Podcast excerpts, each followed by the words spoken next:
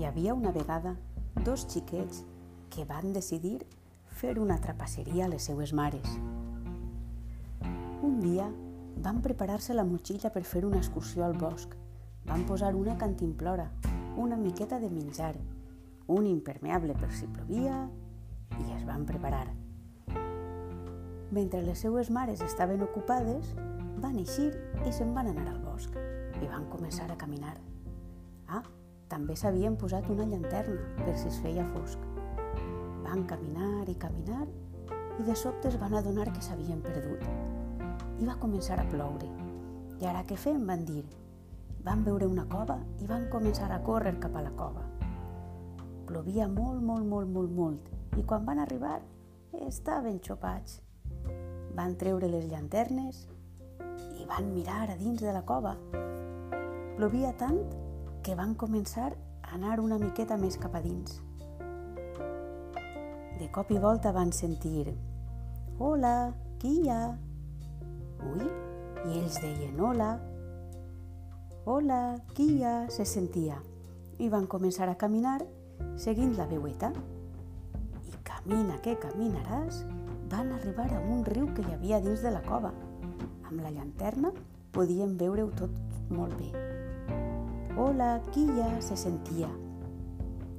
Al cap d'uns minutets de caminar, van veure una cosa que brillava. Van anar més ràpid i van veure que era un peixet d'or. Hola, ja heu arribat. Qui sou?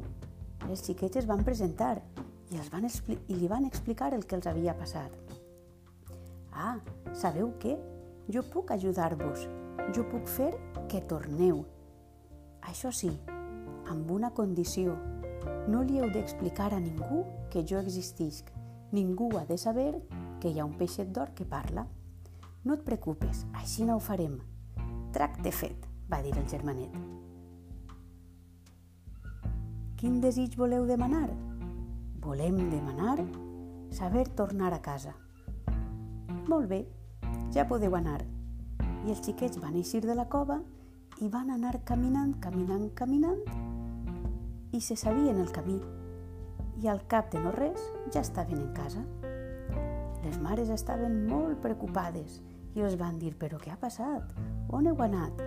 Els van dir que havien anat al bosc i que s'havien perdut. «I com heu trobat el camí?» van preguntar. Van estar a punt d'explicar-los la veritat, perquè no els agrada dir mentides, però van callar, perquè van recordar el que els havia dit el peixet d'or. Cap d'uns dies van tornar a veure'l i el peixet els va dir «Molt bé, sé que em vau fer cas i no vau dir la veritat. Ara podreu vindre a veure'm tantes vegades com vulgueu. I així anava a ser. Els xiquets, cada vegada que volien, s'escapaven al bosc a veure el seu nou amic i mai li van contar a ningú que existia.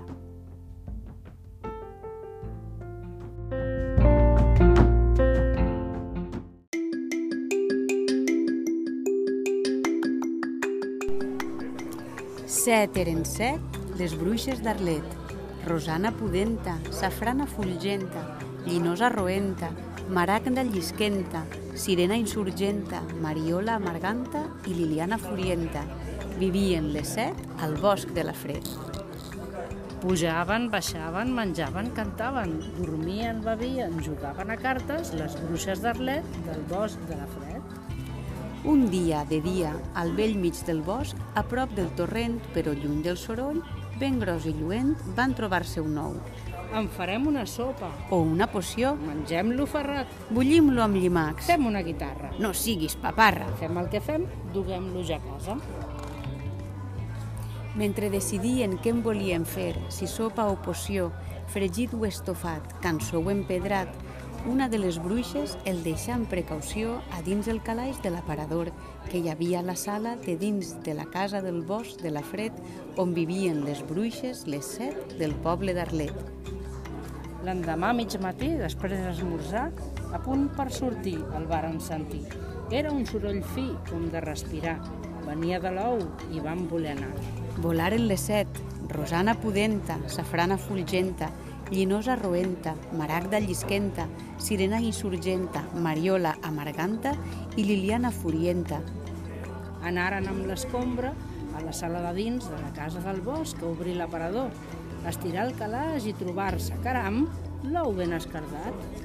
I allà al seu davant, amb banya i crinera, amb aletes de seda, amb estrelles als peus, amb tots els colors i ulls de purpurina i pèl de vellut, les refitava un ésser menut. No ens cabrà, cabrà la sopa. En podem fer pocions. No el podrem ferrar. Bullim l'om llimacs. Que toqui la guitarra. No siguis paparra. Fem el que fem, ajudem-lo a sortir.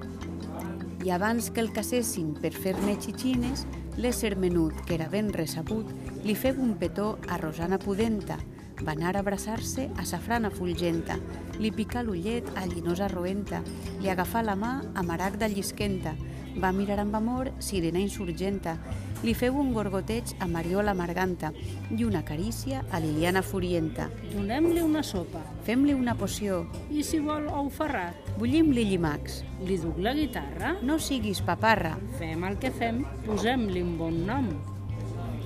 Set dies set passaren les bruixes, pujant i baixant, menjant i cantant, dormint i bevent i jugant a les cartes amb el seu petitó Patrici Lluent, amb totes les ganes de fer-lo un bruixot. Però ves, però ves que pobret, pobret pobrissó, queia de l'escombra, foradava el barret, no caçava gripaus, ni bevia pocions, estimava els llimacs i era tot de colors. Un altre arc de Sant Martí i no podré dormir. Amb tanta purpurina em crema la retina. Amb aquest pèl tan suau no tindrà mai berrugues. I quina crinera tan fina i tan bella.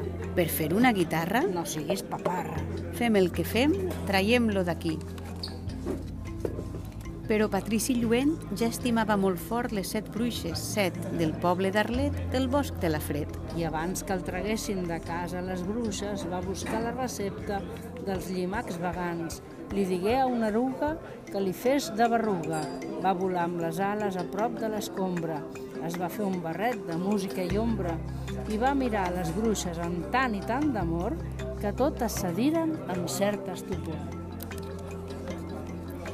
Visqueren felices, es podria dir, les set que eren set, les bruixes d'Arlet del bosc de la Fred. Rosana pudenta, safrana fulgenta, llinosa ruenta, maragda llisquenta, sirena insurgenta, mariola marganta i liliana fudienta. Amb el seu unicorn, Patrici Lluent, I tots els colors del blanc fins al negre, pujant i baixant, menjant i cantant, dormint i bevent i jugant a les cartes i fent bruixeries i omplint d'alegries el bosc de la Fred al poble d'Arlet.